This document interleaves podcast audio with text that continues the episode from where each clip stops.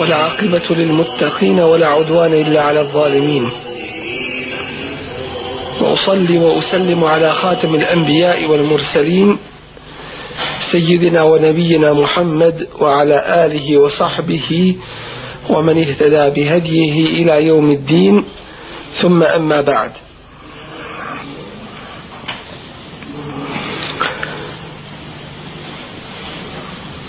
Hvala i zahvala pripada uzvišenom Allahu tabaraka wa ta'ala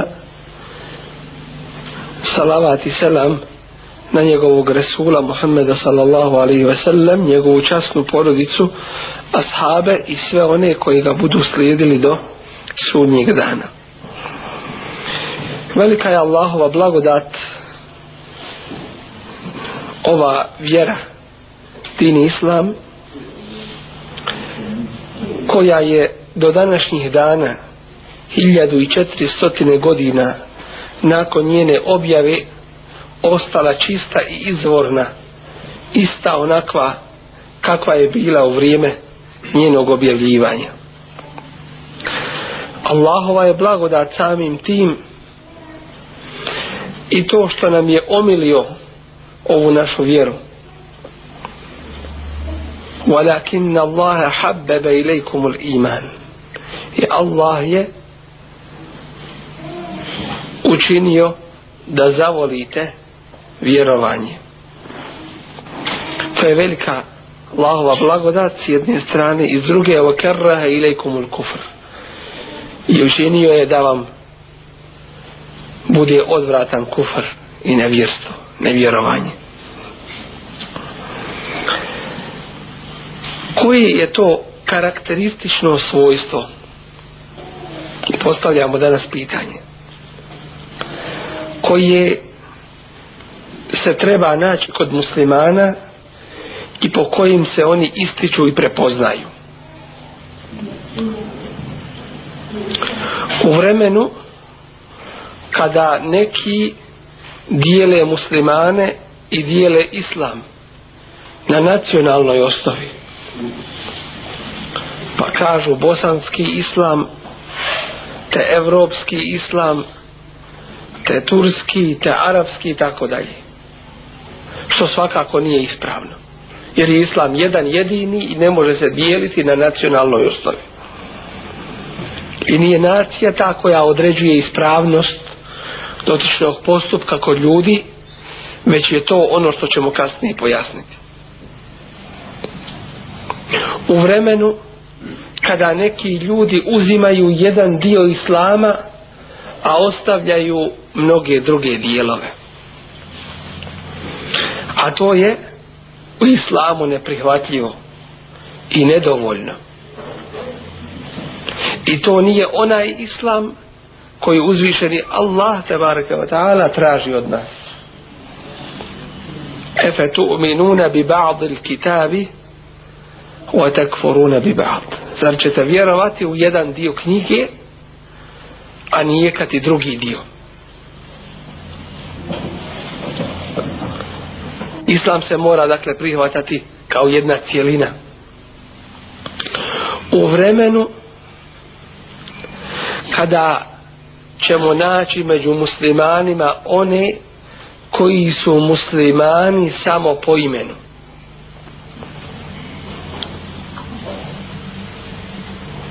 jer pri sebi nemaju ničeg drugog do muslimanskog imena.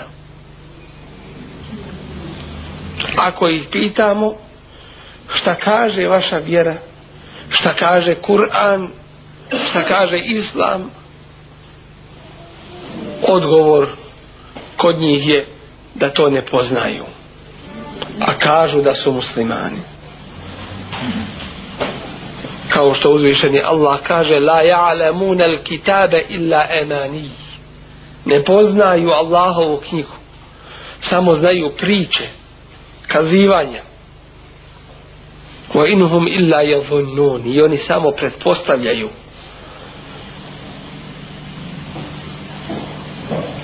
u vremenu kada vidimo razjedinjenost među muslimanima. onako kako to uzvišeni Allah opisuje u svojim riječima tahsebuhum džemijan wa kulubuhum šetta ti misliš da su oni zajedno da su jedinstveni a njihova srca su razjedinjena jer su iza toga različite interesi jer se voli u ime novca jer se voli u ime interesa jer se voli u ime svega više u ime svega drugog više nego u ime Allaha uzvišenog u vremenu kada su muslimani uveliko izgubili onu snagu koju su nekada imali oslabili postali ovisni o drugima. U vremenu koje nam je opisao Resulullah sallallahu alaihi ve sellem svojim riječima, doći će vrijeme kada će narodi navaliti na vas. Kao što jedna družina navali, okupi se oko hrani, pa šta iza toga ostane? Samo kosti. Je li to zbog naše malobrojnosti Allahov poslanića? On kaže nije. Vi ćete toga dana biti mnogobrojni, ali ćete biti kao pjena one bujice. Nema snage. Vas je zadesila slabost. Vahen. A šta je to u stvari slabost Allahov poslaniće? A on kaže Hubbu dunja wa karahijetul maut Biće vam drag dunjaluk Novac Položaj Interes je ovo svjetski Jedan od vas će davati sve Da ima dobra kola Da ima dobar smještaj Stan okerahijetul maut i bit će vam mrska smrt i zato se nećete žrtovati i zato nećete raditi ono što ste dužni da radite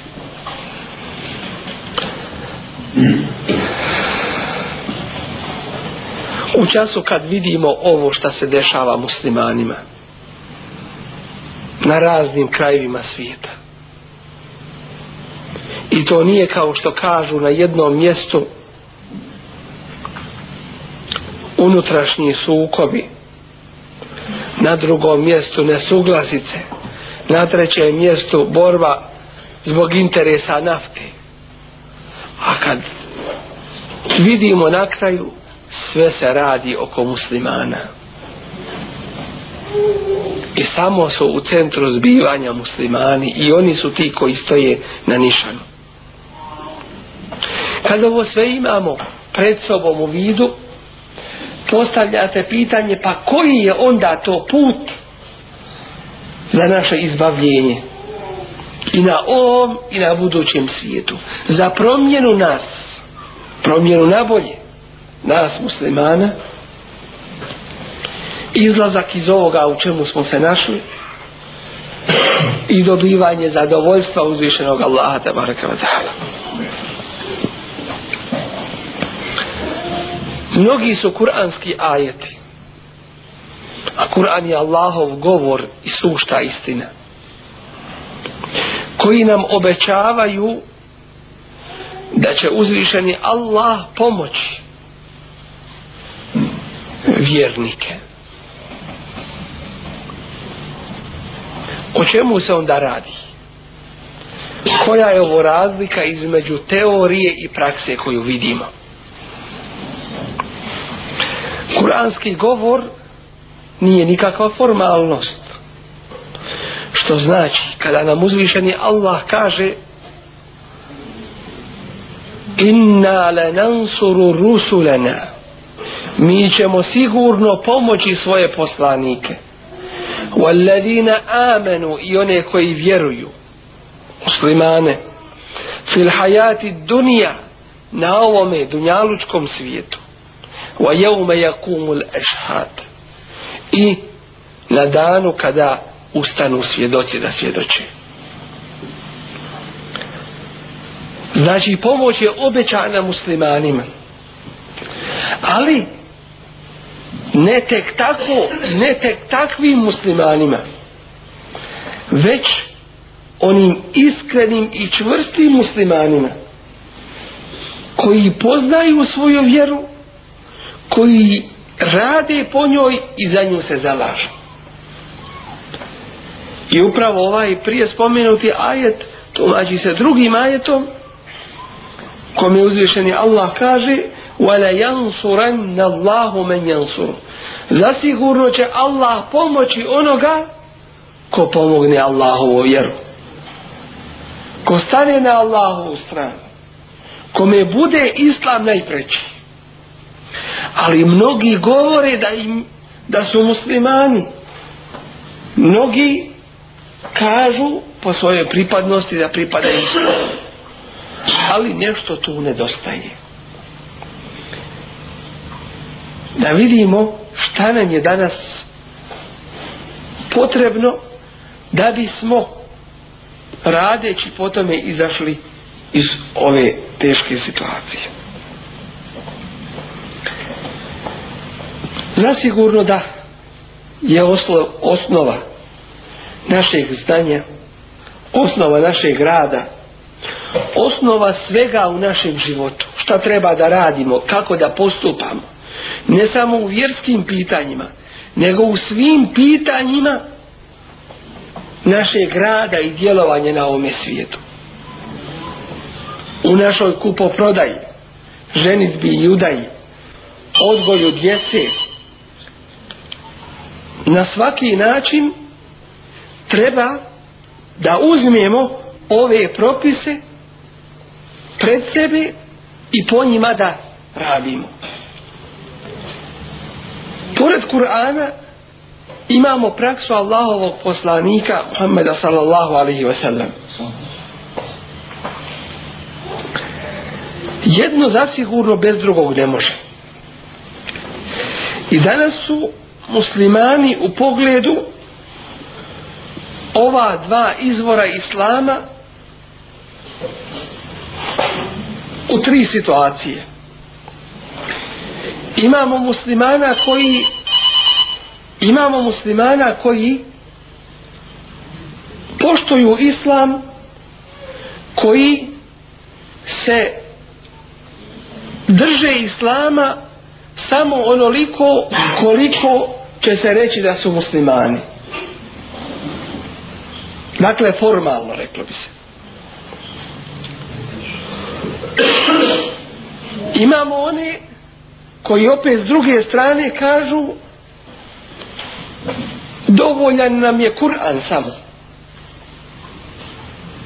zapostavljajući praksu Božijeg poslanika Muhammeda sallallahu alaihi sallam i imamo treću vrstu onu ispravnu koja se drži i Kur'ana i sunneta prakse Božijeg poslanika Muhammeda alaihi sallam uzviženi Allah nije se zadovoljio time da požalje samo Kur'an već je uz Kur'an poslao svoga poslanika da nam pokaže kako treba raditi i da nam dokaže da je moguće po tome raditi i da je to jedini način našeg uspjeha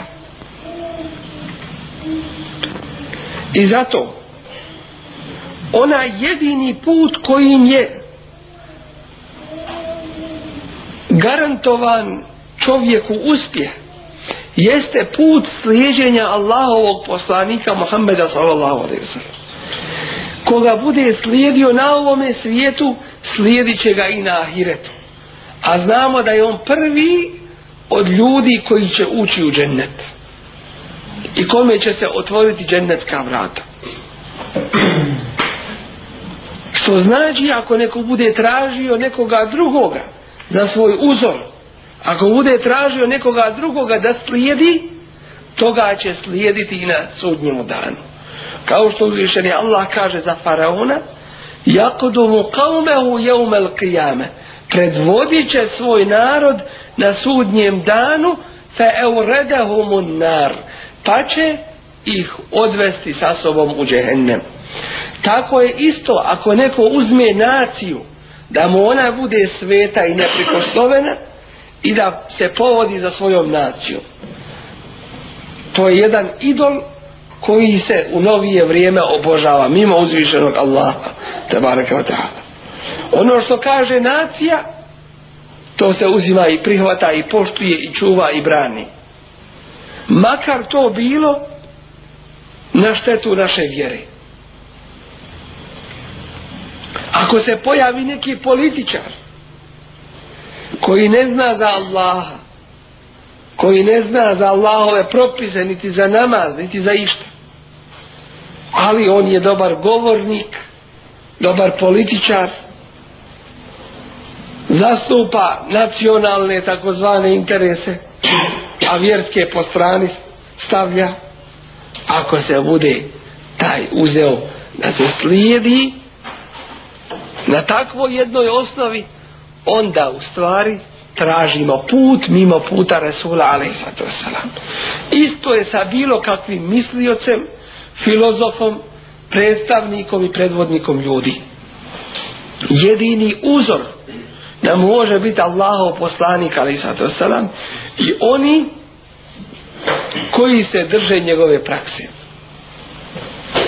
U ovoj vjeri nije ništa ostavljeno, a da nije pojašnjeno do najsitnijih stvari šta se smije, šta ne smije šta je pokuđeno, šta preporučeno šta je dozvoljeno ljudima da rade i odobreno da mogu činiti sve je u islamu pojašnjeno pitanje je samo da li je čovjek spreman da da radi po tome neki će nam reći mi volimo Allah Zar to nije dovoljno da budemo muslimani? Odgovor na to je dao uzvišeni Kur'an. Časni Kur'an, Allahova riječ. Gdje kaže, kul, reci Allahu poslaniće.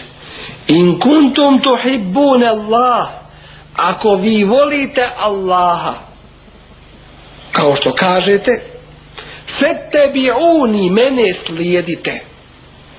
Koga? Allahovog poslanika. Tu se pokazuje ljubav i odanost Allahovom poslaniku Muhammedu sallallahu alaihi sallam. A ne na riječima samo. Dakle, kaže u ovom je ajet uzvišeni Allah, reci Allahov poslaniće, ako vi volite Allaha, mene slijedite, pa će vas Allah zavoljeti. I grijehe vam vaše oprostiti a Allah je Allah oprašta i milostivije. U jednom svome hadisu Allah u poslani Kalisa Sallam nam kaže Kullu nasi jedhuluna al dženne illa men eba ili kullu ummeti jedhuluna al džennete illa men eba cijeli moj narod svi oni koji su se predstavljali da su muslimani, svi će oni ući u džennet. Ne ima brige za njih. Illa men eba. Osim onih koji ne htjednu ući u džennet. Pitaju ashabi Božih poslanika. Ali zar sam? Pa zar ima ljudi koji neće? Zar ima oni koji će odbiti da uđu u džennet? a on im odgovara men eta'ani dehal el dženne kome bude slijedio ući će u džennet wa men asani faqad eba ako mi je nepokoran taj odbija da ulazi u džennet dakle po tome se pravi ona osnovna razlika Da li su ti došli neki političari i rekli drugo je vrijeme, drugi ljudi, možeš šta god hoćeš raditi. Uzmi kamate. Druga, drugo je ono vrijeme bilo, drugi ljudi, sve drugo. Samo ne bilo opravdo da da se može kamate uzimati. Uzvišeni Allah zna sve i mudar je. I on zna da će doći drugi narod, jer on ih je stvorio, on je i nas stvorio. On dobro zna koga stvara.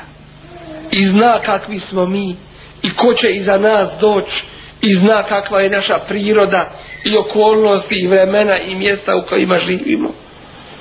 Da je htio, rekao bi, zabranjena vam je kamata, 500 godina, a onda i za toga kad dođu ti i ti narodi, onda možete uzimat kamat. Ne ima toga nigdje. Ne ima pokornosti ljudima u nepokornosti uzvišenom Allahu Đerleša. Ne ima hadis kaže pokornosti stvorenju u nepokornosti stvoritelju. Ne znam ko da je. Danas nalazimo upravo da se po sunnetu i po slijedženju Allahovog Resula veselam, ističu iskreni i pravi vjernici. U hadisu Božijeg poslanika veselam, kaže se La te zalu ta'ifetum min ummeti. Neprestano će biti jedna skupina mog ummeta qaimina ala al-haq držeći se istine postojaće biće ih do sudnjeg dana la yadurruhum neće im smetati neće im škoditi men khadalahum oni koji ih iznevjeravaju i napuštaju oni koji neće uz njih da stanu oni koji ih ismijavaju i koji im se izruguju koji pokušavaju da ih natjeraju da se ostave da se ostave toga sunneta wala man khalafahum niti će im škoditi oni koji im se suprotstavljaju hatta yati amru allah dok ne dođe allahova odredba danas kad pogledamo među naše džemate naći ćemo dvije grupe ljudi. Naći ćemo starije, čiji u većini slučajeva sinovi neće u džamiju. I naći ćemo mlađe, čiji većinom očevi neće u džamiju. Što je Allahova pozemna blagodat primijetit ćemo da je uzvišeni Allah posebno toj omladini omelio sunnet Allahovog poslanika Muhammeda a.s.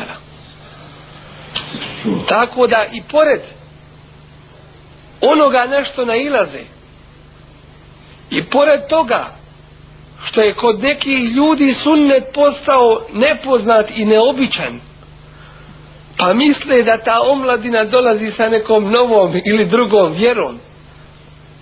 A to nije ništa drugo do ono što je radio Allahov poslanik Muhammed sallallahu alaihi ve sellem.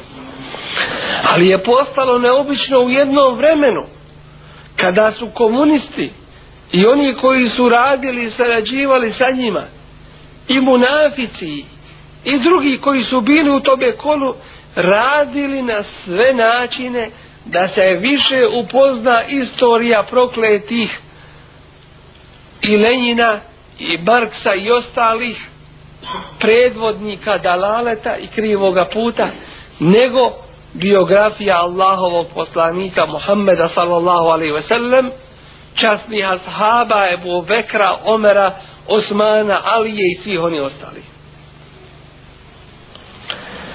Tako da je islam kod mnogih se samo sveo na držanje Kur'ana na rafama, u vitrinama, radi bereketa. I ostavlja se Kur'an za Efendiju, za Hođu, koji će ga otvoriti kad toga mrtvog na tabutu iz kuće iznesu kao da je zbog toga Kur'an objavljen. Iako Kur'an u suri Jasinu kaže li yunzira men kane hajjen da opomene one koji su živi dakle nije objavljen da bi kad čujemo negdje da se uči Kur'an odmah pomislimo e tu je neko umro znači zbog mrtvih već zbog živih Nije objavljen da ga uči samo jedna skupina ljudi i da ga ona samo zna. Već ćemo svi za to biti pitani. A kako ćemo znati Kur'an? Znaćemo ga učenjem, čitanjem njegovog prijevoda. Sad, alhamdulillah, ovih dana izašao je i tefsir. Tumačenje Kur'ana od najpoznatijeg mufesira. Ibnu Ketira. Ibnu Ketira. To bi trebao taj tefsir da bude u kući svakog muslimana. I da se uči, i da se čita, i da se znaju njegova značenja. A ono što će nam uveliko pomoći da razumijemo Kur'an jeste upravo pa, praksa Allahovog poslanika Muhammeda sallallahu alaihi sallam u svim pitanjima i svemu šta je radio u svim pitanjima i svemu šta je u svome životu radio. Jednom prilikom kada su došli neki ljudi Aiši radijallahu anha nakon smrti Allahovog poslanika Muhammeda sallallahu alaihi ve sellem i pitali kakav je bio život Allahovog poslanika kako je on živio a ona im kaže učite li Kur'an kaže učimo a ona im ukratko odgovara kane hulukuhul Kur'an njegov ahlak njegovo ponašanje njegov život je bio Kur'an dakle da bismo razumjeli Allahovu knjigu potreban nam je sunnet potrebna nam je praksa Allahovog poslanika Muhammed Ali Sadusa kako je on živio i šta je radio u svim područjima života danas vrhunski naučnici uzimaju to i proučavaju i time između ostalog i time između ostalog dokazuju istinitost ove vjere i muđizu ove vjere jedno čudo koje se nalazi u ovoj vjeri nauka danas u 20. vijeku zato što njegovo cjelokupno ponašanje je usmjereno od strane uzvišenog Allaha Đelešanu. Kako je sjedio, kako je jeo, kako je pio, kako je hodao, sve u svome životu što je radio.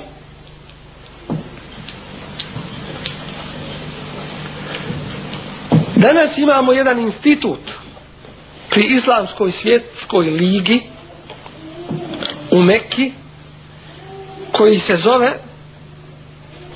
Institut za istraživanje naučnih mođiza u Kur'anu i u praksi Božijeg poslanika Muhammeda sallallahu alaihi wa uzmu nešto iz njegovog života, iz njegovog ponašanja, pa proučavaju u području psihologije, u području metodologije, u području medicine, u bilo kojoj vrsti nauke. I samim tim dokazuju lahko jednostavno kako je ova vjera, dini islam, objavljena od uzvišenog Allaha Đelešanu. I da je ona trajna do sudnjeg dana. I to onakva kako ju je uzvišeni Allah objavio. I ovdje treba nešto napomenuti. A to je da islam ne daje svoje rezultate ako nije onakav izvoran i čist kakav je objavljen. Bilo da se iz njega nešto oduzmi ili da se u njega nešto doda. Islam to nikako ne podnosi i ne trpi. Odmah nije onakav islam kakvo ga je uzvišeni Allah traži.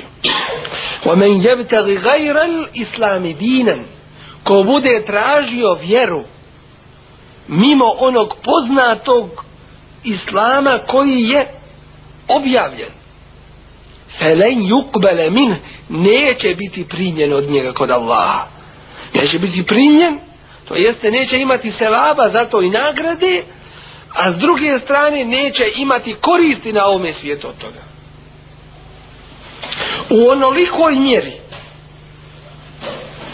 ukoliko je nešto oduzeto od islama, ili ukoliko je nešto ubačeno u islam što nije od njega, u, to, u tolikoj mjeri se udaljava od onog izvornog islama i u tolikoj mjeri gubi tu garanciju uspješnosti i na ovome i nagrade na na budućem svijetu upravo zbog toga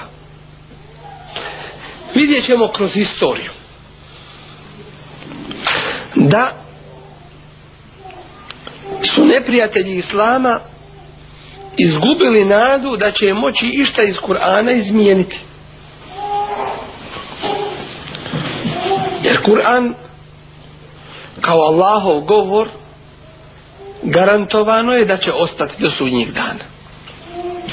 Ali su zanemarili činjenicu da je ta garancija proširena i na sunnet Allahovog poslanika, ali i sad I da će on ostati čist do sudnjega dana. Pokušali su mijenjati, ubacivati u njega. Pokušali su istraživanje napraviti ne bi na neki način dokazali kontraverznost ili suprostavljanje hadisa jednih drugima ali nisu uspjeli prvo što ova vjera ne može obstati bez sunneta i praksije Božijeg poslanika ali sad se nam jer mnoge frakcije koje se pripisuju islamu kažu mi slijedimo Kur'an ali oni slijede samo vanjštinu ili slijede samo neke ajete, a ostavljaju druge ajete. Šta je to što će protumačiti Kur'an? Upravo praksa Božije poslanika, ali i Kada nam govori Allaho poslanik, sallallahu alaihi wasallam, da će se židovi podijeliti na 71 skupinu, da će se kršćani podijeliti na 72 skupine, a muslimani na 73 skupine. I da će sve u džehennem osim jedne, pitaju ashabi koja je to Allaho poslaniče. A on kaže ko bude kao što sam ja i moji ashabi.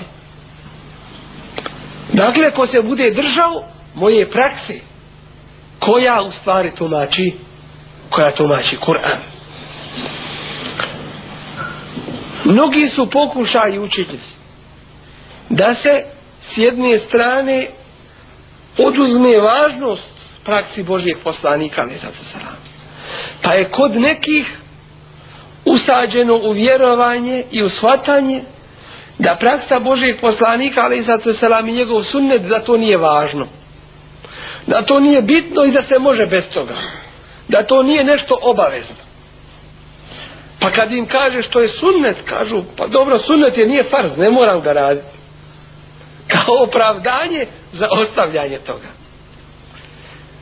Ulema kada je podijelila ljudska dijela,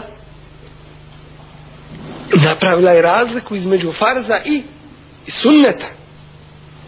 Ne s namjerom da se kaže ovo je sunnet, to jeste treba ga ostaviti. Evo da se kaže ovo je sunnet praksa Božih poslanika, ali sam sam. I lijepo je to raditi. A ovo je farz, To je nužno da se radi. U smislu, ako imaš samo toliko vremena da obaviš ili farz ili sunnet, šta ćeš obaviti? Obavit ćeš farz. Neće tu sunnet doći na mjesto, na mjesto farza. Jer sunnet možeš i odgoditi za kazni, a farz ne smiješ odgađati. Dakle, tu je napravljena jedna kategorizacija dijela. A da bismo znali šta će imati prioritet, a ne da bi se sunnet Allahovog poslanika, ali sad sram, odbacivao i ni podaštavao. Isto tako, naći ćemo da je jedna grupa orientalista, nemuslimana, da su uzeli istraživati sunnet Božijeg poslanika, ali sad sram. I sebi su dali u zadatak da će saku, sakupljanjem devet najpoznatijih hadijskih zbirki. I vađenjem svih riječi iz tih zbirki, navedenih u njima, u hadisima, sakupivši ih na jednom mjestu, u abecednom redoslijedu, na taj način sebi olakšati i pokušaj da na neki način dokažu da je Boži poslanik ali sad sam od sebe govorio da to nije bila objava neuzubila ili da u njegovim riječima postoji kontradikcija ili su, suprotnost jer normalno oni polaze sa stanovišta da je on obični čovjek ništa više i neće da vjeruju njegovo poslanstvo a po toj njihovoj teoriji onda svakako da dođe da čovjek koji živi 23 godine te svoje poslaničke misije, ne može mu se desiti da govori 23 godine i radi, a da se ne dokaže nešto u tome da je suprotno jedno drugome ili neke greške da se ne pokažu. Ali svakako to nisu uspjeli, nisu uspjeli dokazati to, jer sve što je govorio Boži poslanik, ali sam sam govorio je od Allaha uzvišao, nije govorio od sebe po svojim hirovima, Ko što Kur'an kaže, وَمَا يَنْتِهُ عَنِ الْهَوَا On ne govori po svojim strastima. In huwa illa vahjun juha. To je samo objava koja mu se dostavlja, koja mu se objavljuje. I danas imamo jednu veliku zbirku, takvu koju su ti orientalisti napisali nemuslimani, koja se naziva El mu'đamul mufahres li el fadil hadif. To je riječnik sastavljen po abecednom ili po alfabetu po takvom redu izraza ili riječi koje su navedene u hadisu Božije poslanika i srca.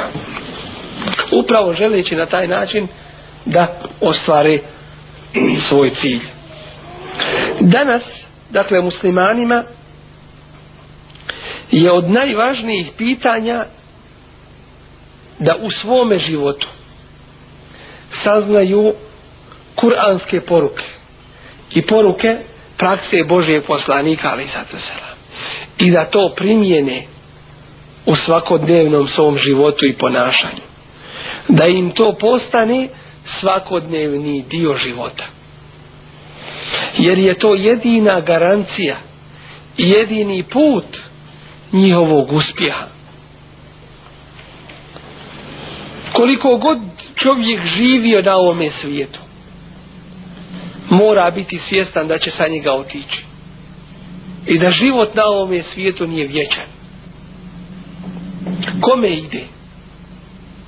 Ima li tog osiguravajućeg društva koje mu može osigurati na ahiretu bezbjednost?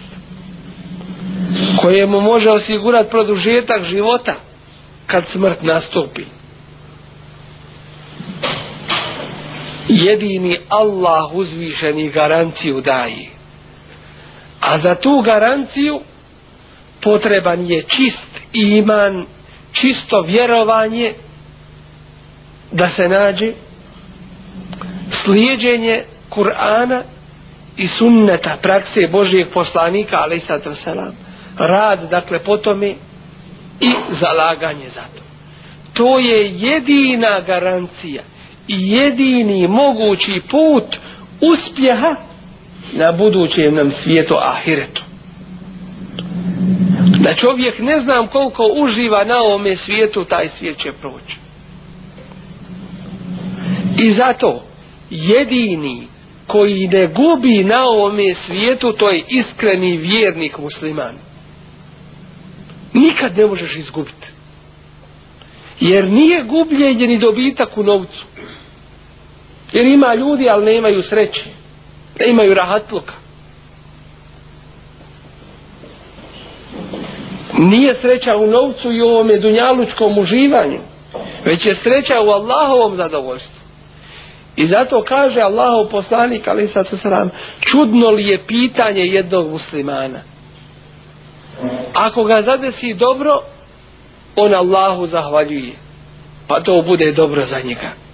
A ako ga zadesi nešto loše, on sabori, strpljiv je, pa i to bude dobro za njega. Kaže u hadisu, al, Allahu poslanik sallallahu alaihi wasallam, čak kada čovjeka zadesi briga i tuga, čak i kada te trnu bode. Zato ti se brišu tvoja loša dijela. Nije ništa kod Allaha bez nadoknade. Jesi li bio u brizi, jesi li bio u tuzi, jesi li bio u nekoj nedaći, sve ti se to piše kao kefaret i kao otklanjanje loših dijela i poveđanje tvoga stepena kod uzvišenog Allaha Đelešanu. I zato za najveća dijela ima i najveća nagrada kod uzvišenog Allaha Đelešanu. Za najveći trud ima i Allahovo zadovoljstvo. Zato se kaže u hadisu Allahovog poslanika, ali i sada Men yuridillahu bihi khairan yufaqihu fi din. Kome Allah tjedne dobro, pouči ga vjeri i razumijevanju njeno.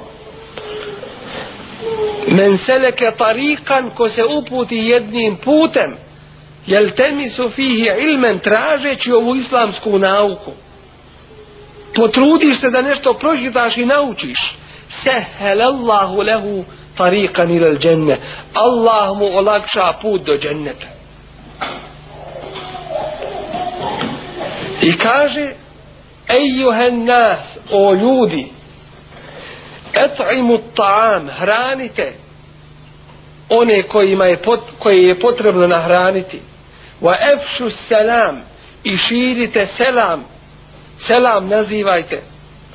Wa sallu wa nasu nijam, i klanjajte dok ljudi spavaju u gluho doba noći tedhulul džennete bi selam ući ćete u džennet s Allahovim mirom i kaže Allahu poslanik ali sata selam magberret kadema abdin jevmel fi sabilillahi fatamassahum fatamassahum an-nar ne mogu se uprašiti noge borca na Allahovom putu pa da ih dohvati džehennemska vatra. Pa su zato ashabi Božijeg poslanika, ali sad sam čvrsto vjerujući Allaha i čvrsto vjerujući Allahu i slijedeći neprikosnoveno hadis Božijeg poslanika, ali sad sam imali u svakom pogledu uspjeha.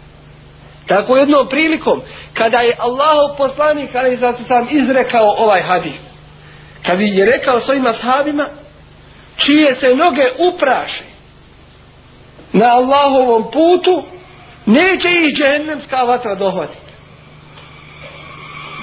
Oni koji su jahali, sišli su. Da idu pješke. Neko će reći, čuj kako svataju, primitivno. Ne, ne, kreko je tako, ima tako da bude. Sišli su pješke. Oni koji su išli pješke još su veće u prašinu dizali. Kad su vidjeli neprijatelji tu prašinu, kažu to je ogromna vojska koju se mi ne možemo suprostaviti. Šta ćeš reći to mi? Drugom jednom prilikom kada su došli u jedno mjesto, prije bitke, prije otpočinjanja borbe, Došli su i primjenjujući sunet Allahovog poslanika, ali sad selam, uzeli su grančice mi svaka i napravili sebi za čišćenje zuba. Izvid, izvidnica neprijateljska je pratila to. I kada su došli svojim prvacima i pi, bili pitani kako ste našli muslimanske borce, a oni kažu vidjeli smo ih da su nakresali granje i oštre zube za nas. Oštre zube za nas koji je to bio psihički, jel da je uticaj? Koji je to, koji je to bilo demoralisanje te neprijateljske vojske? Ko je dao ta, da tako bude? Nisu to ništa namjerno učinili, a sami Božeg poslanika li sad. Ali tako su učinili, tako je Allah uzvišeni dao kao posljedicu njih primjene sunneta Božeg poslanika li sad. I kaže Resulullah alaih sato selam neće dohvatiti džehennemska vatra dvije vrste očiju. Oči koje stražare na Allahovom putu i oči koje u osami puste suzu sjetivši se Allaha. Danas naučnici kad proučavaju primjenu sunneta i kažu da Bog do muslimani primjenjuju sunnet. Našli bismo veliki broj oni koji primaju islam preko toga. Danas neki muslimani ne primjenjuju farzove, nažalost. A kamoli sunnet? primjena sunne da ti garantuje da ćeš i farzo, da ćeš i farzo čuvati. Jer ako se ostavi samo na farzima, onda će i oni vremenom po, doći na udar, olako biti shvaćeni i ostavljeni. Jer kad imaš ogradu oko neke zgrade, znači da se neće ta zgrada izlagati opasnostima. Ali ako ne ima toga, onda je opasnost bliža. Između mnogih primjera koje koji se spominju Evo ja završavam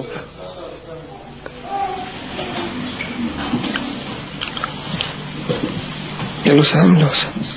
Jel u sedam ili osam? U osam ide. Dakle, da navedemo samo jedan primjer vezan za praksu Božijeg poslanika ali sada salam. Između ostalog spominje se da je od sunneta Božijeg poslanika ali sada salam iftarit se hurmom. Prvo što čovjek uzme jeste hurma. Ako ne ima hurme, uzet će vode da se napije. Vidjet ćemo sada da naučnici istražujući taj sunnet kažu ljudskom tijelu koje se nije hranilo više sahata u toku dana najpotrebnije je nešto hitno što će brzo doći u ljudsku krvu, ljudske ćelije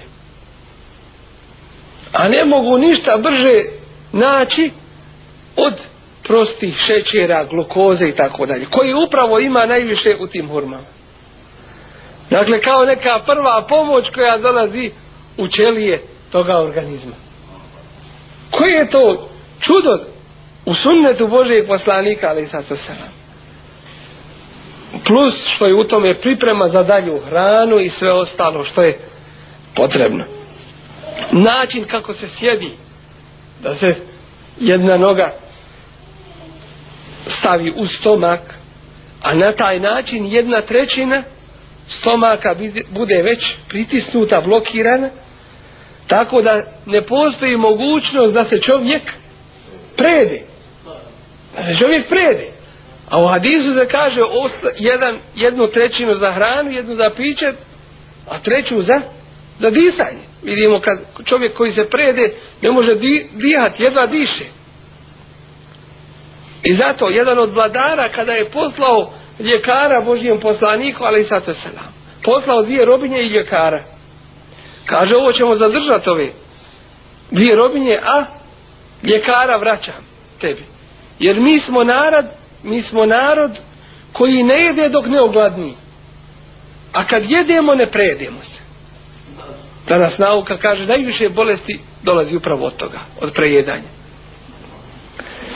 To su sve čuda gdje nauka samo potvrđuje ono što je islamom već rečeno davno i davno. Samo je problem što kod mnogih muslimana to je još nepoznato.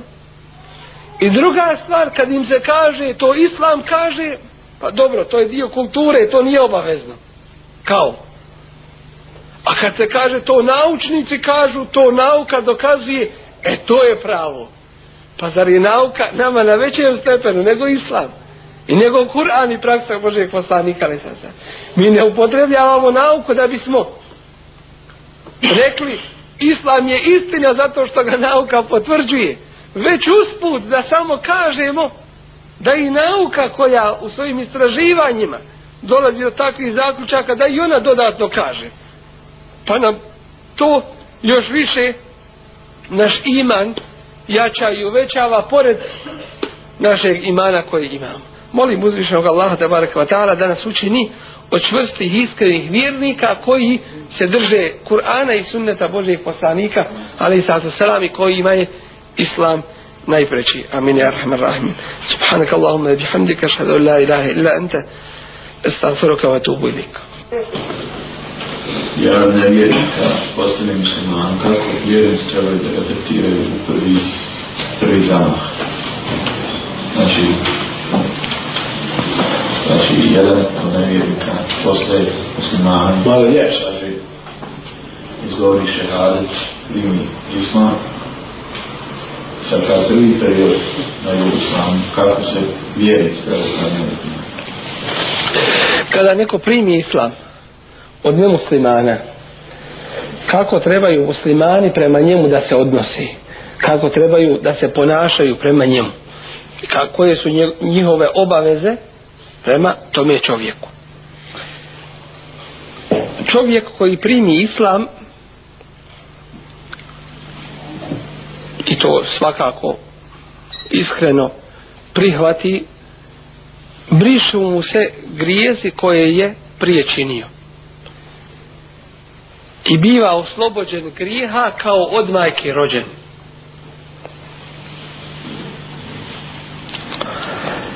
Primanjem islama dobiva sva prava koja imaju muslimani. Primanje islama se ogleda u tome što izgovori riječi šahadeta La ilaha illa Allah Muhammedun Rasulullah i što počne klanjati namaz.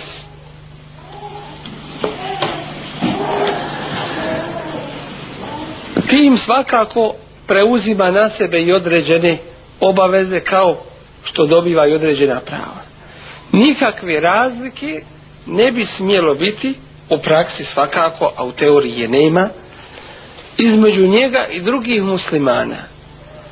Dakle, dobiva sva prava koja imaju muslimani od islamskog bratstva, nazivanja, selama, posjećivanja, potpomaganja, odbrane i tako dalje. Često imamo primjera da ljudi potaknuti čitanjem ili nekim događajima u svome životu da primaju islam. Ali ovdje treba jedna napomena. A to je da se islam ne smije svoditi samo na šehadet. Već i sam šehadet ima svoje uslove. Izgovaranje riječi ešhedu en la ilaha illallah ve ešhedu enne muhammeden abduhu wa rasulu. A to je da toga čovjeka upoznamo sa uzvišenim Allahom Đerlešenu. Ko je Allah? Koja su njegova svojstva? Koja su njegova imena? Šta on radi? Kakvo je njegovo djelovanje i koje su naše obaveze prema njemu? Sve to obuhvata riječi Ešhedu en la ilaha illallah. I drugi dio šehajeta Muhammedur Resulullah Muhammed je Allahu poslanik alaihissalatu wasalam znači prihvatanje njega kao Allahovog poslanika i njegovo slijeđenje. Nakon toga dolazi namaz. Sa šehadetom i namazom čovjek postaje musliman. Bez namaza čovjek nije od muslimana. On načelno prihvata, dakle kažemo, prihvata islam šehadetom samo ali potvrda toga šehadeta u riječima treba da se ogleda u dijelima, to je prvo namaz. Shvatit ćemo ovo iz mnogih hadisa. Jedan od tih je gdje kaže Boži poslanik, ali sad sam prvo za što će čovjek biti pitan na sudnjem danu jeste njegov namaz. Kako je klanjao? ne je li klanjao, ne kaže je li klanjao, nego kako je klanjao. Jer o tome je li klanjao nema govora. Pa ako mu namaz bude kako treba, valja će mu i ostala njegova djela. A ako mu namaz ne bude kako treba, neće valjati ni ostala njegova djela. Ako je neko živio u džahilijetu, neznanju, pa nije ništa drugo znao do šehadet la ilaha illa Allah Muhammedu Rasulullah bio džahil ne znalica u svojoj vjeri nije znao obaveznost namaza govorimo o prošlome vremenu molimo uzvišenog Allaha da se takvim smiluje ako su bili iskreni u svome imanu pod salamra pod izgovorom da nisu imali prilike da nauče a Allah to najbolje zna ali danas koji neće da klanjaju za njih je hadis Božije poslanika ali i sato salamu kome kaže el ahdu ladhi bejnana wa bejnahum usala ugovor između nas i njih mušrika i nevjernika jeste između nas muslimana i njih, to jeste mušlika i nevjernika, jeste namaz. Femen tarakahu fakat kefar. Koga ostavi, kofor je učinio. Ko ostavi namaz. I treće, kaže se u hadisu Božijeg poslanika, ali i sada sram, da će uzvišeni Allah reći melekima nakon što džennet lije uđu u džennet, a džehennem lije u džehennem.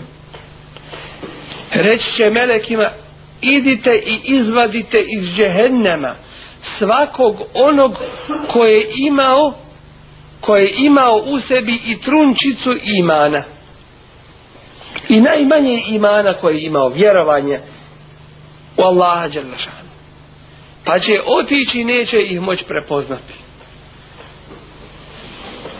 I reći će uzvišeni Allahu nismo ih mogli prepoznati. Zgorjeli su. A onda će im on reći prepoznaćete ih po mjestima seđde. Jer ta mjesta džehennem vatra ne prži. To jeste gdje su padali na seđdu. Ova mjesta. Vatra ta mjesta ne smije pržiti. Potom je će ih poznati. Što znači da su ti ljudi u svoj taj iman osnovni imali imali i namaz. A drugi hadis nam kaže izađi, izvedite iz džehennema koje imaju koje imao i najmanje imana koji je imao i najmanje imana, one koji imaju i najmanje imana, a nisu u svom životu uradili nijedno dobro djelo. A nisu u svome životu uradili nijedno dobro djelo. Značenje ovoga, Allah najbolje zna, jeste da nisu imali prilike da urade to dobro djelo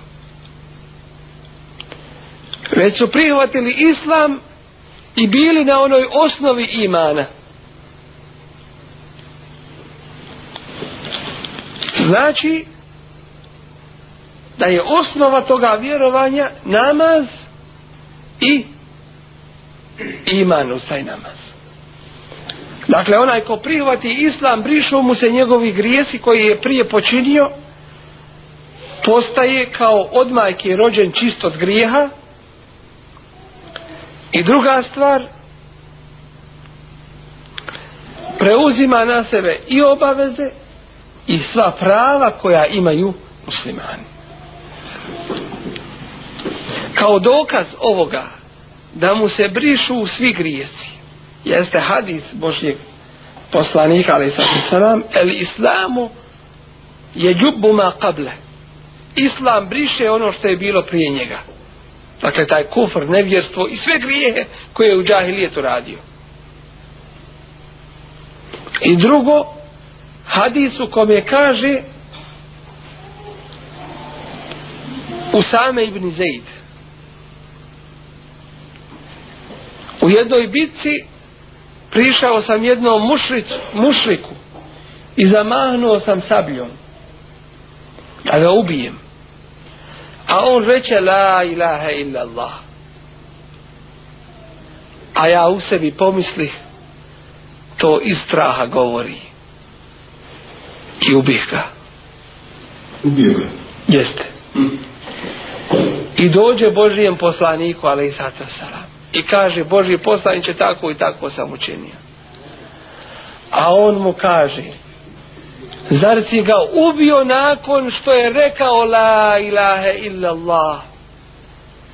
Zar si ga ubio nakon što je rekao la ilaha illallah? Šta ćeš na sudnjem danu sa njegovim la ilaha illallah? Božji poslaniće, on je to rekao iz straha.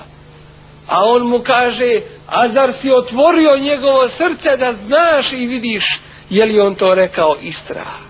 šta ćeš sa njegovim la ilaha illallah na sudnjem danu kaže Usame ibn Zaid kaže toliko mi je to teško bilo da sam tada pomislio da, da sam tada da sam u tom času poželio da sam tek tada primio islam to jeste primanjem islama da su mi svi grijesi oprošteni a od tih grijeha i ubistvo toga čovjeka koji je rekao la ilaha illallah Dakle, velika je stvar to. I ogromno je značenje šehadeta. I na nama je da ljudima prvo objašnjavamo šehadet. I ljudima među muslimanima. Jer mnogi nose muslimanska imena samo. I ne smijemo se zavarati. Da mu dođemo i kažemo, a što ti ne klanjaš? Da ima vjerovanja i klanjao bih hadis Božijeg poslanika, ali sad se vam kaže, fel jekun evale mate druhu ili. Iako ovaj hadis govori o pozivanju kršćana na pravi put. Ali se može i u ovoj, i u ovoj situaciji primijeniti kod onoga koji ništa ne zna o svojoj vjeri. I greška je da mu dođemo i prvo kažemo što ti ne klanjaš. Trebamo ga prvo pitati šta ti vjeruješ vjeruješ li išta? Ako vjeruješ Allaha, kako ga vjeruješ? Zašto ga vjeruješ? Koliki je i kakav je tvoj iman? Pa ako u tome nas posluša, onda idemo na namaz i na ostalo od vjerskih propisa. Jedna žena koja je primila islam, došla je da raspravlja kod nekog od učenjaka o pitanju kamata. Pa kako kamate, pa što se ne smije, pa kako je to? I ovaj je s njom raspravio, ali nije polučio nekog uspija. Nema korist. I drugi mu kaže, ti si pogriješio. Nemoj joj govoriti o tome da su kamate zabranjene, ona to zna. Već joj govori o uzvišenom Allahu Đelešanu. Jer da je ona Allaha shvatila i prihvatila i povjerovala istinski i iskreno, ne bi odbacivala njegove propise. Da je ona shvatila veličinu Allaha uzvišeno. Ne bi radila to što radi. I isto je tako sa muslimankama, koje se još uvijek kolebaju, hoće li se pokriti ili neće. Da su one kod sebe uzele na jedan, vi, na jedan mizan, na jednu vagu, i da su sebe zapitale je li mi Allah preći ili mi je preći sav ostali svijet jel tražim Allahovo zadovoljstvo i zadovoljstvo ljudi onda bi znala odgovor na to omladina isto tako koja luta i srlja po drogama kafićima nemoralu svoju snagu troše u ono gdje se ne smije trošiti, gube svoju snagu. Pa i vidimo jedan od njih ko i ako dočeka 30. godinu, vidjet ćemo da je oronuli starac. Da su naše dede od 70 i 80 godina jače i veće snage i shrvale bi ga nego on taj u 30. godini. Ko je popio tu mladost i uništio, i uništio je? Nesane noći. Hodanja. Ljubavne brige i problemi. I budalaštine. Koje su im istrpile njihovu snagu. Da oni znaju ko je Allah. Da znaju Allahovu veličinu bili bi ponosni u islamu u tome što Allahu seđdu na seđdu padaju ne bi se stizili na sred trga reći Allahu ekvar i Allahu seđdu učinu jer vjeruje Allah ko da ga vidi ne sumnja u njega ne bi gledao za onim za kojima ni pas se ne bi okrenuo ne bi radi ono što radi. Ali nažalost, kad se ne zna, to je velika bolest, a još veća i gora kad se neće da zna. Kad se misli da je dobio tu marku i taj dolar i tu krunu, da je dobio cijeli dunjaluk, kaže Kur'an, innel insane le jatoga zaista čovjek granice prelazi erra ahu stagna kada se vidi da je, kad se osjeti da je neovisan dolazi plata dolazi socijala dolazi ovo meni više niko ne treba zaboravlja na Allaha gdje ti je Allah ko te hrani ko te je izvuko ko te je spasio osim uzvišeni Allah omladina vaših godina koja je bila davno je u zemlji istruhnula po Ahmićima i širom Bosni i Hercegovini ako hoćete Zašto to zaboravljamo? Zar čekamo jedno novo uništenje? To se nama kao muslimanima ne smije dešavati. I mi imamo dvije osnovne sada zadaće. Jedna zadaća je vraćanje muslimana islamu. A druga pozivanje drugih u islamu. Jer mi imamo dosta muslimana koje treba u islam vratiti i pozvati. Tako da na svima je ta zadaća i obaveza svaku svojoj porodici. Nemojmo biti nemarni. Gledajmo kako ćemo sutra položiti račun pred Allahom Đelešanu. Gledajmo da nam je on najpreći. Ne samo farzove, ne samo sunnete klanjati, nego i na file dobrovoljne namaze. Što više se ti naoružat, pa ćeš vidjeti da si jači u svemu. Nećete moći tek tako ovaj svijet prevariti. Bićeš jači u svemu. Predaj se Allahu. Svoju porodicu odgajaj u islamskim principima. Svojoj ženi naredi. Ženo, u ovoj kući se klanjaj i u ovoj kući će se klanjati i ženo izvan kuće ima da se pokrivaš i drugačije bit ne može inače ja nisam čovjek nisam muško ili nisam tvoj čovjek ili nisam nikako muško ili nisam tvoj čovjek a ja neću ovo podnijeti da se radi u mojoj kući šta se radi. Jer ćeš biti odgovoran i za sebe i za svoju porodicu i za svoju djecu. To treba da bude naš menheć, naš princip svakodnevnog života našeg.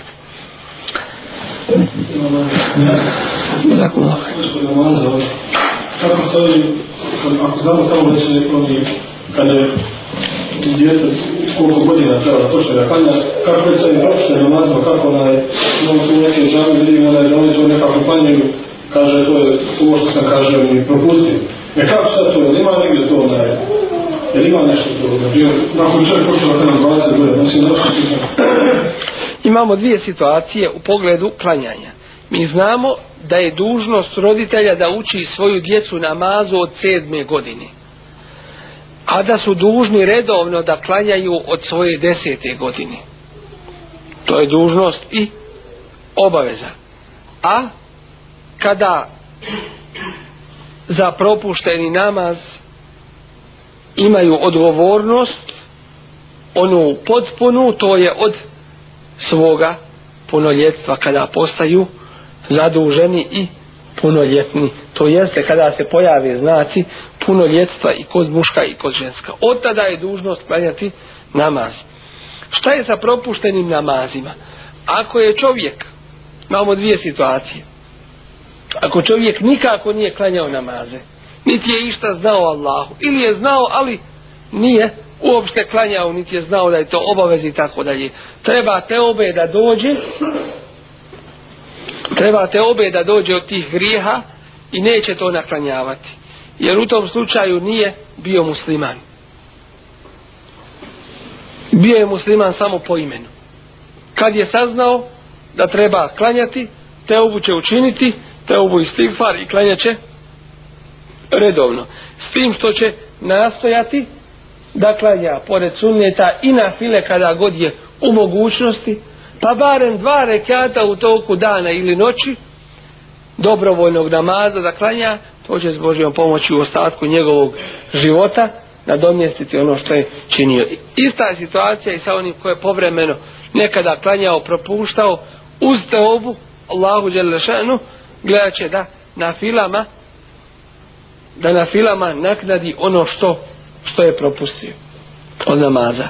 A ako neko je propustio neki namaz od časa kada je počeo klanjati redovno, taj namaz što prije treba da da naklanja. I niko za njega taj namaz ne može, ne može naklanjati. Jer to nije od propisa koji je može učiniti neko drugi za tebe. Može se hađ obaviti za drugog.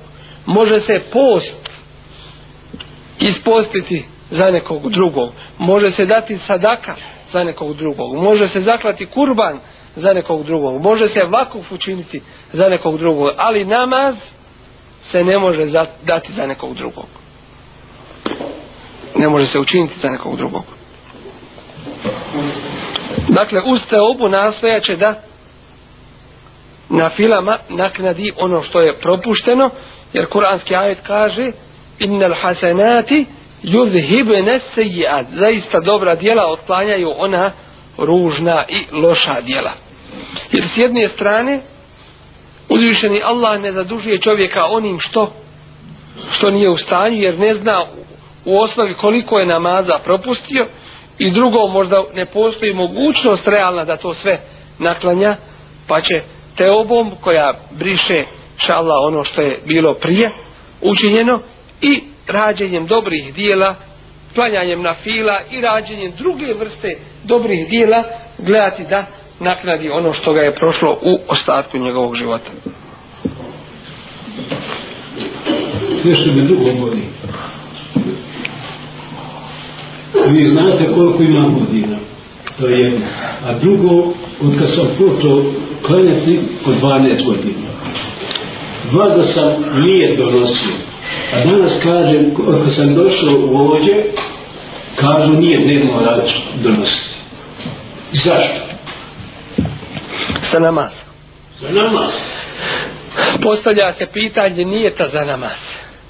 Nijet za namaz mora biti.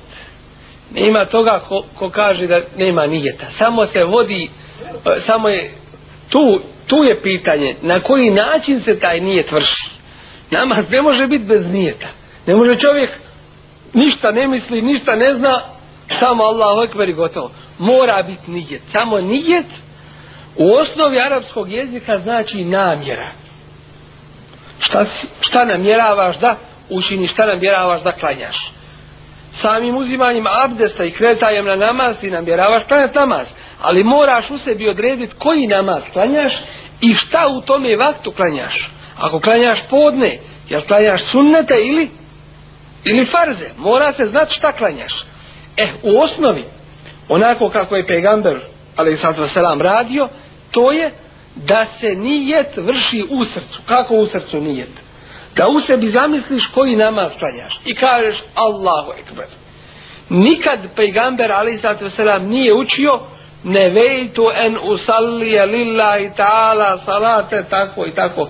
Nikad to nije učio. Kao dokaz toga što ne imamo nigdje hadisa Božijeg poslanika, ali sad sam gdje se navodi da je tako učio. I druga stvar, ono što smo govorili, da kod nekih nijeta imamo ubačenog turskog jezika u nijete. Pa se kaže, en usalli lillahi ta'ala salate sun sunneti.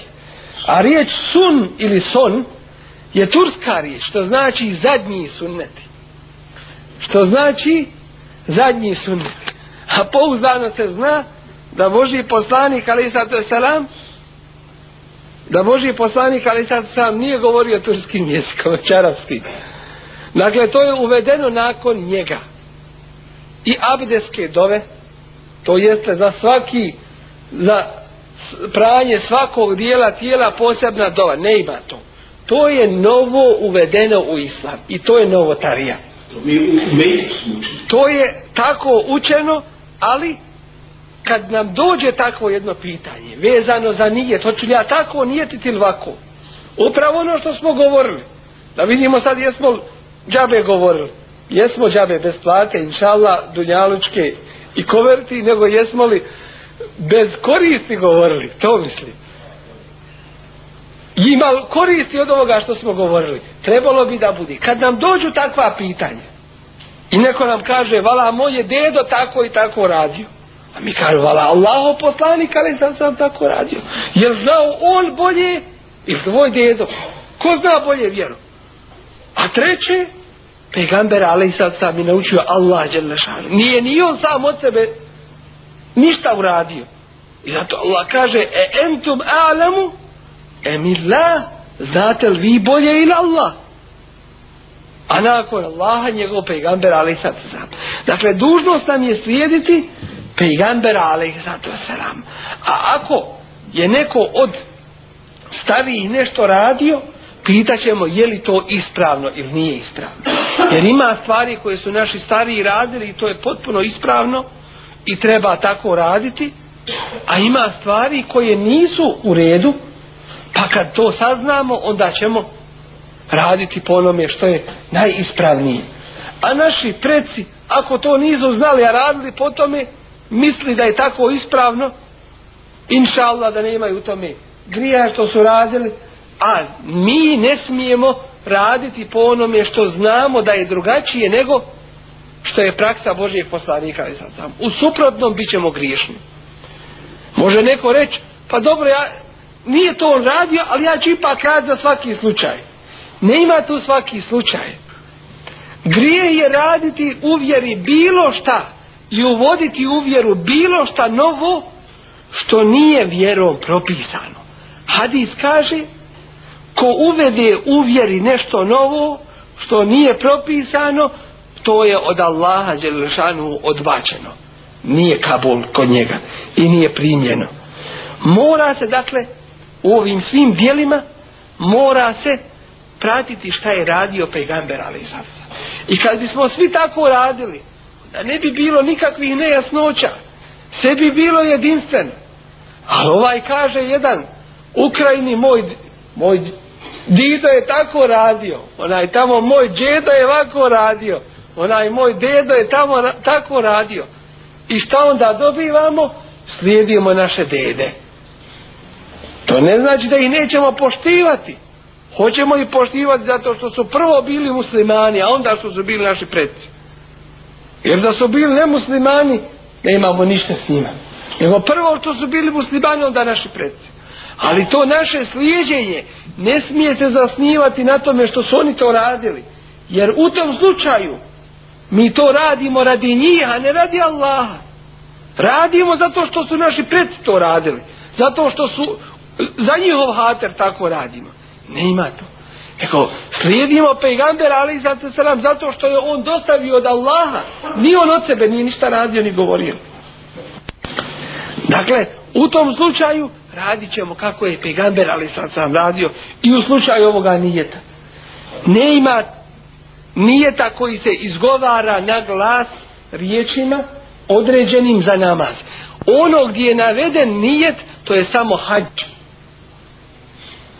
gdje se kaže lebejke Allahumme hađen to je nijet koji se izgovara na glas prilikom hađa ili prilikom umre drugi svi nijeti na glas koji je pisao koji je govorio ne imaju svoje osnove u hadisima pejgambera ali za sam ali to ne znači da ne treba nijet mi smo to pojasnili nijet treba ali u sebi da zamisliš koji namaz paljaš Jer ima ih koji dođu odma samo ništa, odmah Allahu Ekber. I onda se misli, jesam li zanijetio sunnete ili farze, ili tehijetul mesčid ili duha, a već zanijetio.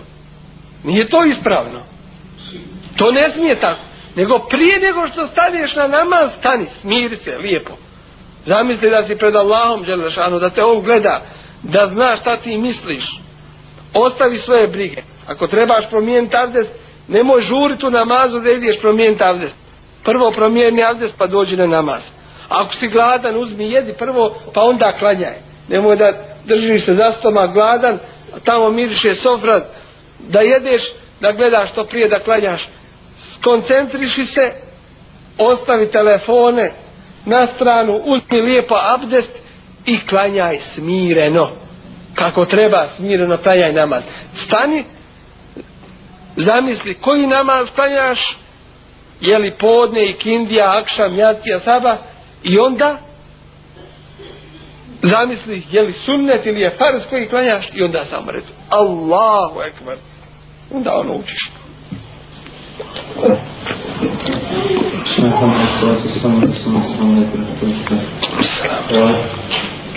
Ako neka osoba postane svjesna nekog lakog propisa, naređe li zabranje, odnosno sad nam prenosi, ovaj, sad sad nam neki ovako propis, naredi ili zabudno, odnosno ako sad nam neki hadis, ovako poslanika sa ovo ovaj strana, neko naredi zabudno, našo što je on preporučio da se radi, odnosno od pokudio da se radi, i radi u suprotnosti tom što se sad, odnosno što je, što je propis, naredi ili zabudno, Kakav je status te osobe, odnosno kako, kako lako zakon išla gledanje takvu osobu? Znači može se više govoriti uopšte, mnogi kažu nisam svjetka, nema dovoljno imana, nema, a u druge strane mi imamo narodno redbi sam dobro jedan stajte dva. Sad ako ja nekome saopštim nešto, što znam, što sam siguran sa dokazima, i nastavi se suprotno raditi tome. Znači nema, nema tu više, ima tu uopšte više svjetnosti, nesvjetnosti, nedostatka imana i... Bismillahirrahmanirrahim. Kad neko radi određeni grije, pa mi uočimo to kod njega i upozorimo ga na to sa jasnim dokazima, obrazloženjima, dužan je da nas posluša. Ne zato što smo mi to rekli, već zato što je to Allahov propis. I dužnost je muslimanu i muslimanki čim čuje nešto od svoje vjere da se tome pokori. En je kunu se mi'na wa atana. Da kažu samo čuli smo i pokoravamo se. I nema tu filozofiranje. Kad kažeš čovjeku živi zdrav bio Allahov je propis Resulullah sallallahu alejhi ve sellem kaže muškarcima je zabranjeno zlato da se nosi na ovome svijetu. Koga bude nosio na dunjaluku neće ga nositi na ahiret Zabranjeno. I uzeo je Boži poslanik ali sad sram i rekao za zlato koje nose muškarci da je to džehennemska žeravica. Kad to čovjeku objasnimo, onda on nema mogućnosti da kasnije kaže, pa znaš šta, to je meni od žene, naljut će mi se žena, zahaterit će mi ovi, to mi označava da, da sam ja oženjen, i tako dalje, i tako dalje. To mi je vera, kako je nazivaj, ne može to tako biti. Niko ti ne brani da nosiš prsten, ali ne smiješ zlatni nositi. Kad bi ti i žena i ne znam ko drugi rekao to, Allah je preći. Da mu se posluša. U tom slučaju ako te ne posluša, njegov grijeh je veći nego prije toga. Zašto? Jer prije toga možda nije znao to. Pa kada si ga upozorio na to i ustrajao, onda mu je grijeh od toga što čini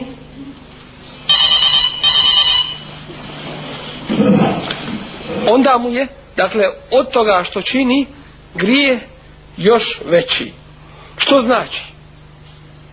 Da onaj koji se ne odazove Allahovom propisu, znači da u njegovom vjerovanju nešto još nije kako treba, u potpunosti.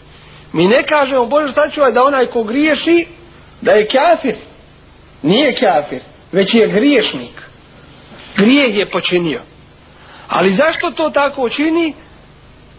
alaikum salam zašto to čini upravo zato što još ne zna veličinu vjerovanja ne zna veličinu Allaha Đalešanuhu da mu se treba pokoristiti i zato onda kaže pa ja mislim ovako pa možda je ovako ne bi li izbjegao taj, taj propis kad jednom čovjeku kažem pa nas ne posluša ne znači to da trebamo to ostaviti već ćemo mu opet reći i opet dok, dok to ne promijeni što je što se kod njega našlo. A ako ustraje jedno vrijeme, nakon što smo ga upozorili, on grije, jasan, čini, treba od toga grija te obe da dođe, da se pokaje i da to baci i ostavi.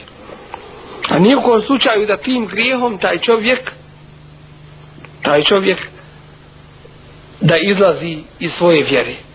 Ne već je griješnik koji ako to ostavi i pokaje se, Allah mu to prihvata i briše mu taj grije. Možda taj čovjek ima neki sumnji u sebi nečega što ga čini da raspravlja s tobom i razgovara i da odmah te ne posluša u pogledu toga, ali kad ga upozoriš na mudar, lijep način, lijepim savjetom, pa i raspravlja s njime kako je najljepše,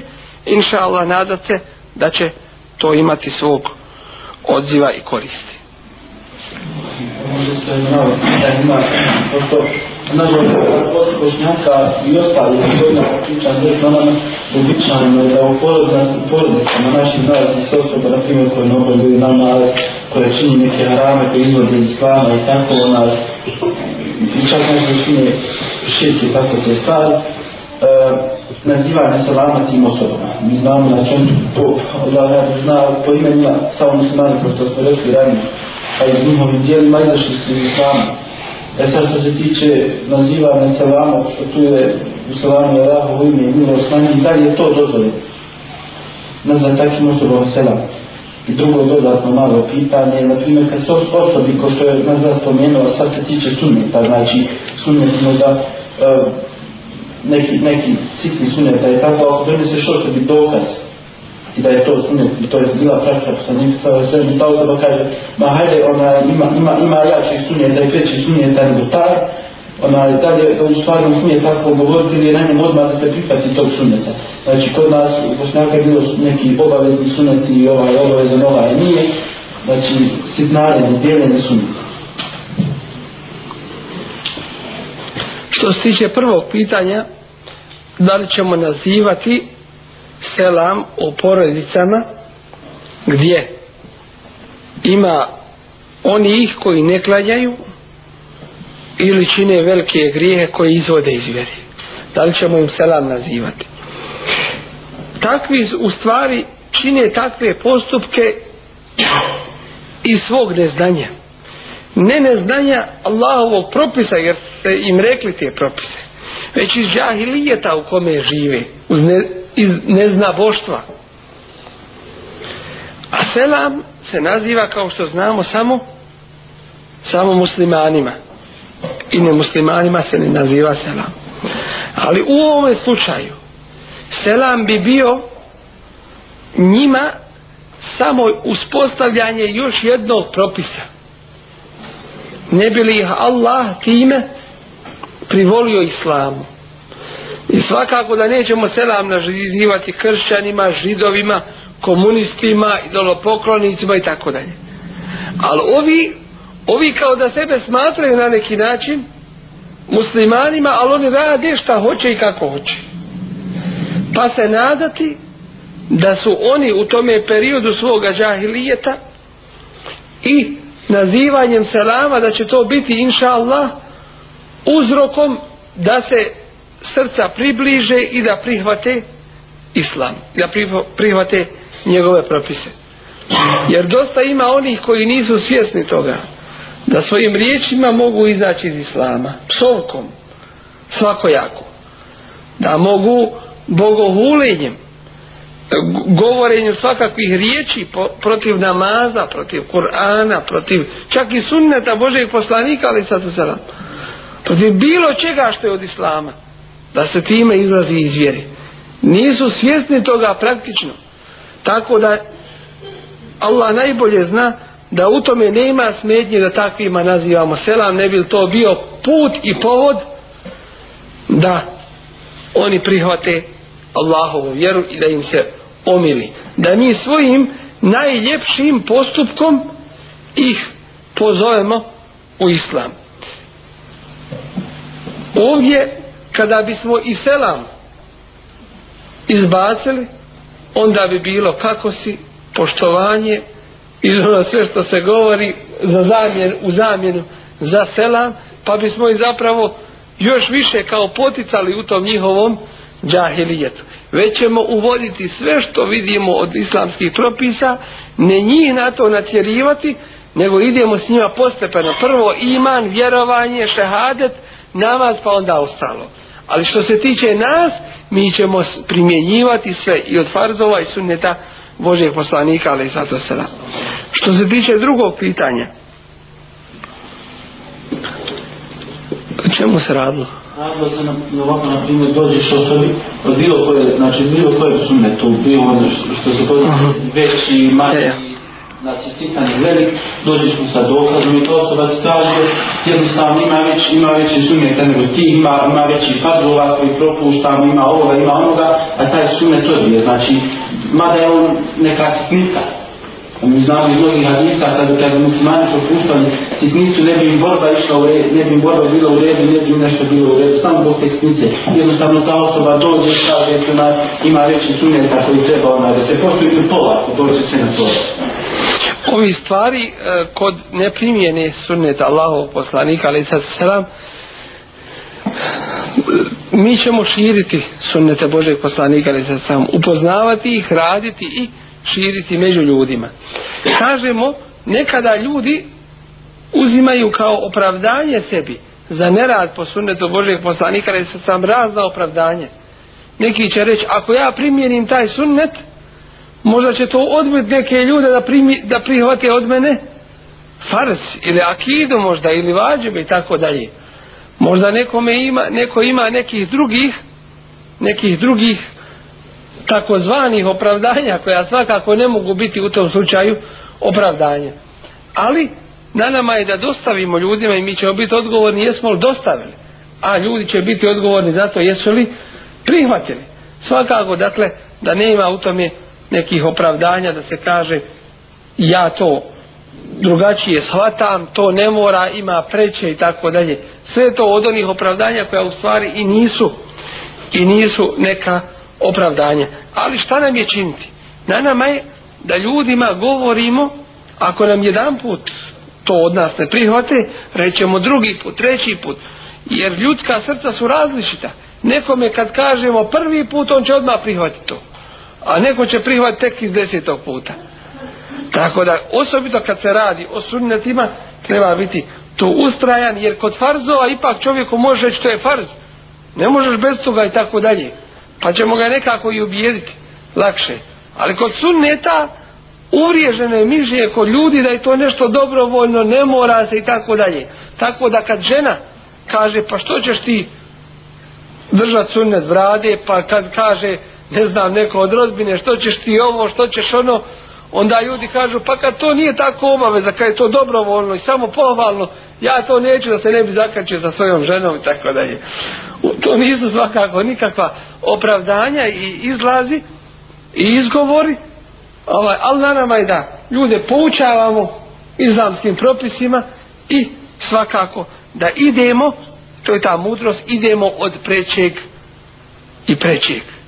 Dakle, kad vidimo čovjeka da ne izvršava nešto od vađiba i farzova, a, a isto tako ne izvršava nešto od sunneta, onda ćemo prvo šta učiniti? Prvo ćemo ga poučiti farzovima i vađibima, pa onda sunnetima, tako dalje. Ali načelno trebamo mu reći na je dužnost pokoravanja Allahu i njegovom poslaniku, ali sad sam. Da vas Allah nagradi sve i vas i nas svakim dobrom, da nam oprosti grijehe, da nam olakša širenje Allahove vjere i dželžanuhu među ljudima, njeno pomaganje i da spriječi one sve koji stoje na putu širenja ove Allahove vjere i sprečavaju njeno širenje među ljudima. Amin i arhamar